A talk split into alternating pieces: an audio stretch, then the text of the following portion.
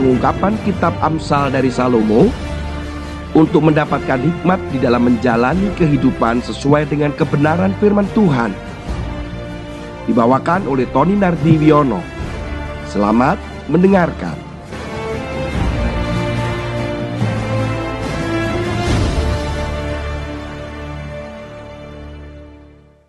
Shalom, saudara kita masuk sekarang pada Amsal pasal yang kedua ayat yang ke-7 dan 8. Ia menyediakan pertolongan bagi orang yang jujur, menjadi perisai bagi orang yang tidak bercela lakunya, sambil menjaga jalan keadilan dan memelihara jalan orang yang memelihara jalan orang-orangnya yang setia. Saudara, hari ini kita belajar tentang kejujuran. Belajar tentang tidak bercela lakunya dan yang setia. Tiga hal ini yang memberikan akibat kepada kita pertolongan Tuhan yang nyata kalau di dalam King James Version, ayat yang ketujuh dikatakan dia menyimpan hikmat bagi orang benar dan menjadi perisai bagi orang yang berjalan dalam kejujuran. Di dalam bahasa Inggris, kejujuran itu adalah integritas. Integrity. Apa sih integritas? Orang banyak berkata tentang kamu harus memiliki integritas. Mari kita melakukan ini dengan integritas. Bahkan FBI sendiri dia memiliki moto tentang integritas itu.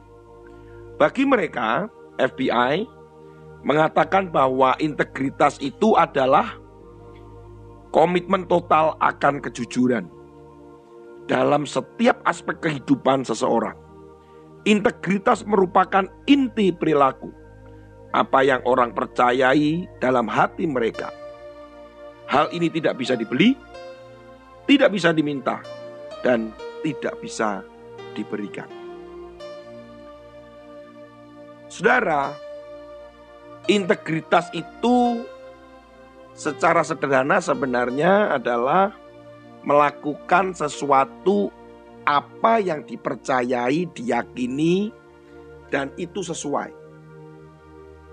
Artinya selaras, terintegrasi antara tindakan dan pikirannya, antara hati dan ucapannya, keselarasan antara apa yang diyakini dengan apa yang dijalani. Jujur terhadap diri sendiri dan berani melakukannya. Tentunya apa yang kita percayai. Itu integritas. Integritas itu katanya harus otentik menjalankan kehidupan kita sesuai dengan apa yang kita anggap benar. Bertindak secara konsisten, bertanggung jawab, serta mengkomunikasikan kebenaran dengan sopan dan tidak membocorkan informasi penting. Berani nggak kita melakukan kejujuran atau integritas itu di dalam kehidupan kita sehari-hari? Banyak pejabat tidak berani. Banyak pemimpin yang saat ini mengalami yang namanya krisis integritas. Salah tidak berani mengakui. Di Jepang, pemimpin pemerintahan ataupun organisasi termasuk di negara Korea apabila mereka melakukan kesalahan mereka akan dengan gentle mengakui di depan umum dan mengundurkan diri. Beberapa perdana menteri Jepang pernah melakukan itu karena merasa tidak mampu dan kemudian dengan jujur melakukan beberapa kesalahan dan akhirnya mengundurkan diri. Luar biasa. Berani jujur, bertanggung jawab atas apa yang dilakukannya. Saudara, Bagaimana dengan saudara? Saudara ingin pertolongan Tuhan nyata di dalam hidupmu? Tuhan mengatakan bahwa di dalam firman Tuhan, di dalam Amsal, berani untuk melakukan sesuatu dengan jujur. Apa pun resikonya. Itulah integritas. Yang kedua, tidak bercela dalam perilaku. Artinya bahwa melakukan segala sesuatu itu dengan baik. Tidak dengan dalam kecerobohan maupun kebodohan. Kemudian setia melakukan hal yang benar. Firman Tuhan katakan, Tuhan menyediakan pertolongan buat saudara dan saya. Dia menjadi perisai. Bahkan dia menjagai jalan keadilan dan memelihara jalan. Ketika kita melakukan sesuatu, kita dilindungi, kita dijagai, kita ditolong. Saudara, ada sebuah kesaksian pada suatu hari saya memang benar-benar dalam kondisi yang kekurangan dana. Saat itu saya dengan istri saya sedang menunggak untuk memberikan offering kepada para full timer kami. Sementara istri saya beberapa waktu sebelumnya mengundurkan diri dari perusahaan. Kami kesulitan secara keuangan untuk memberikan offering kepada para full timer. Saya ingat waktu itu saya berada di Jakarta di sebuah apartemen dalam rangka pelayanan di sana.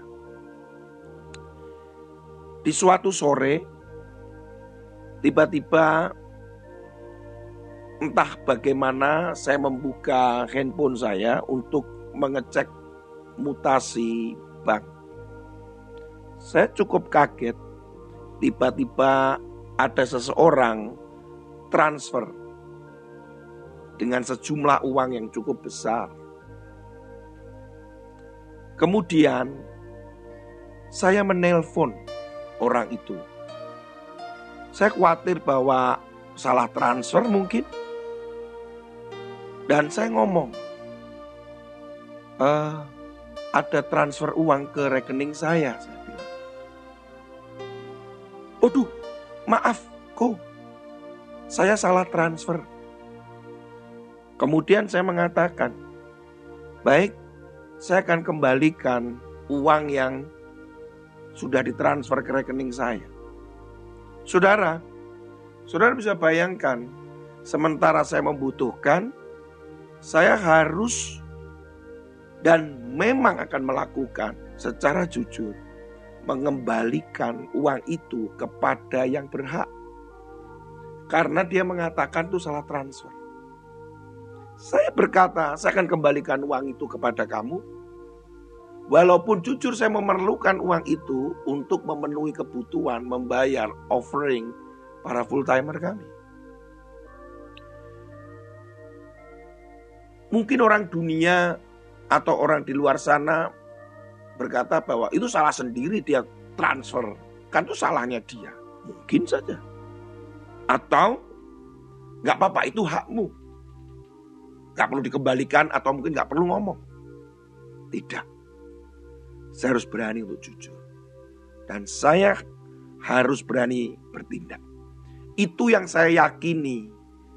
Itulah kebenaran saya dan saya mau belajar hidup dengan benar. Hidup tidak bercelah dan dapat mempertanggungjawabkan. Saudara, beberapa waktu kemudian. Saya belum transfer. Kemudian dia menulis pesan.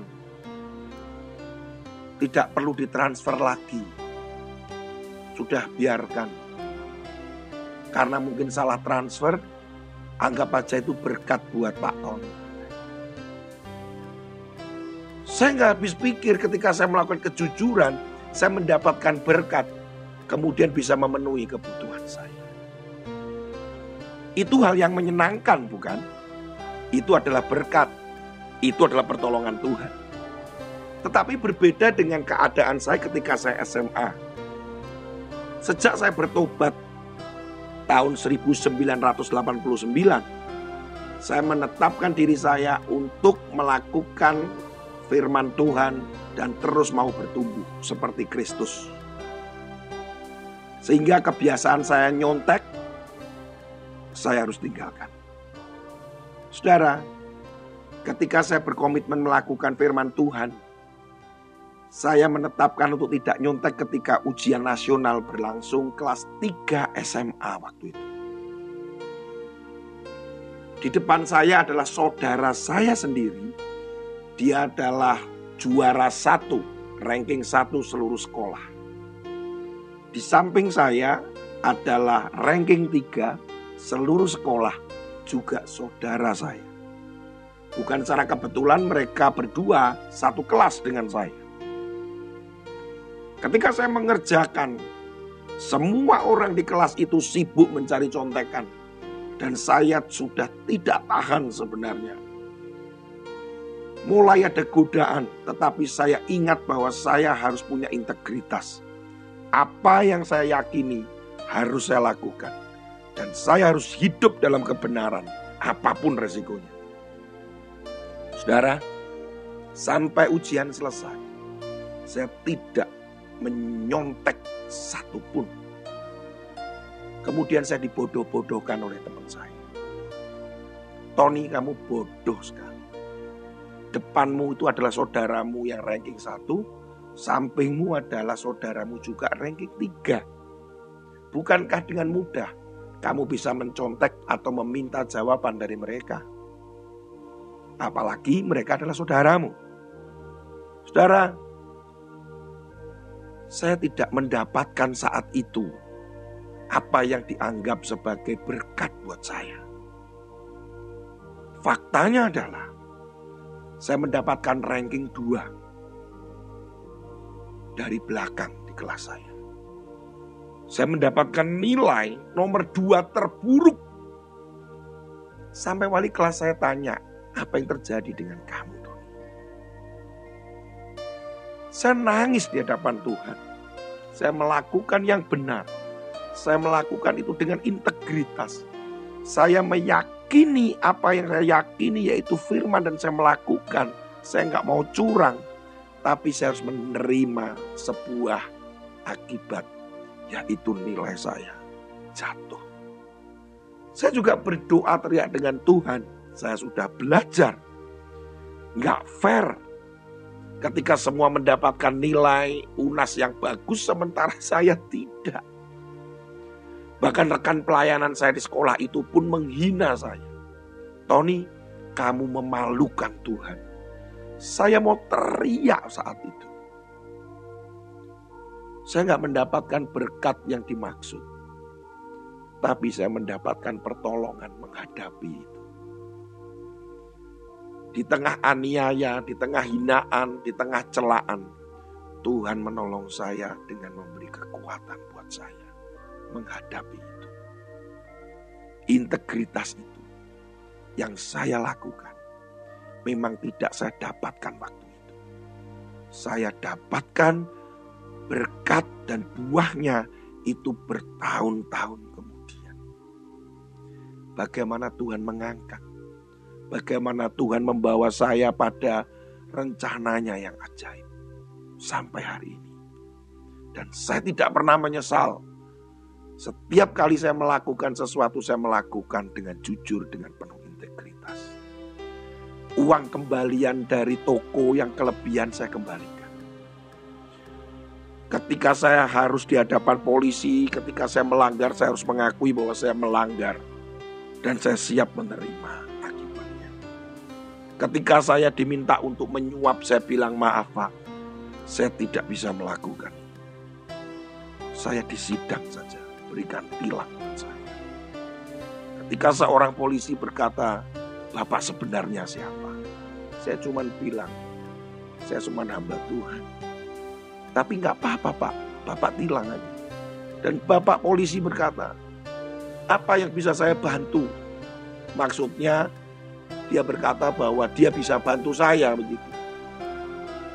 Saya bilang, Pak, bantu saya untuk memaafkan saya.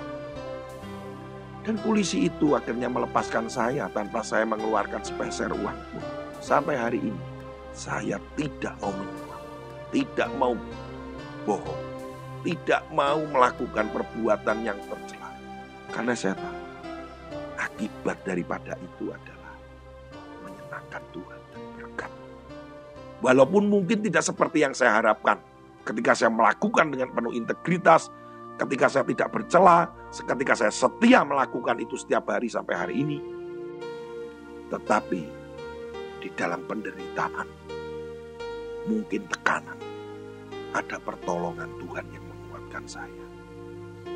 Beranilah melakukan dengan penuh integritas, kejujuran. Lakukanlah segala sesuatu dengan tidak bercela. Dan peliharalah semuanya itu dalam kesetiaan maka engkau akan tahu Tuhan menolong engkau dan engkau ada di dalam perlindungan. Dia menjadi perisai. Tuhan Yesus memberkati.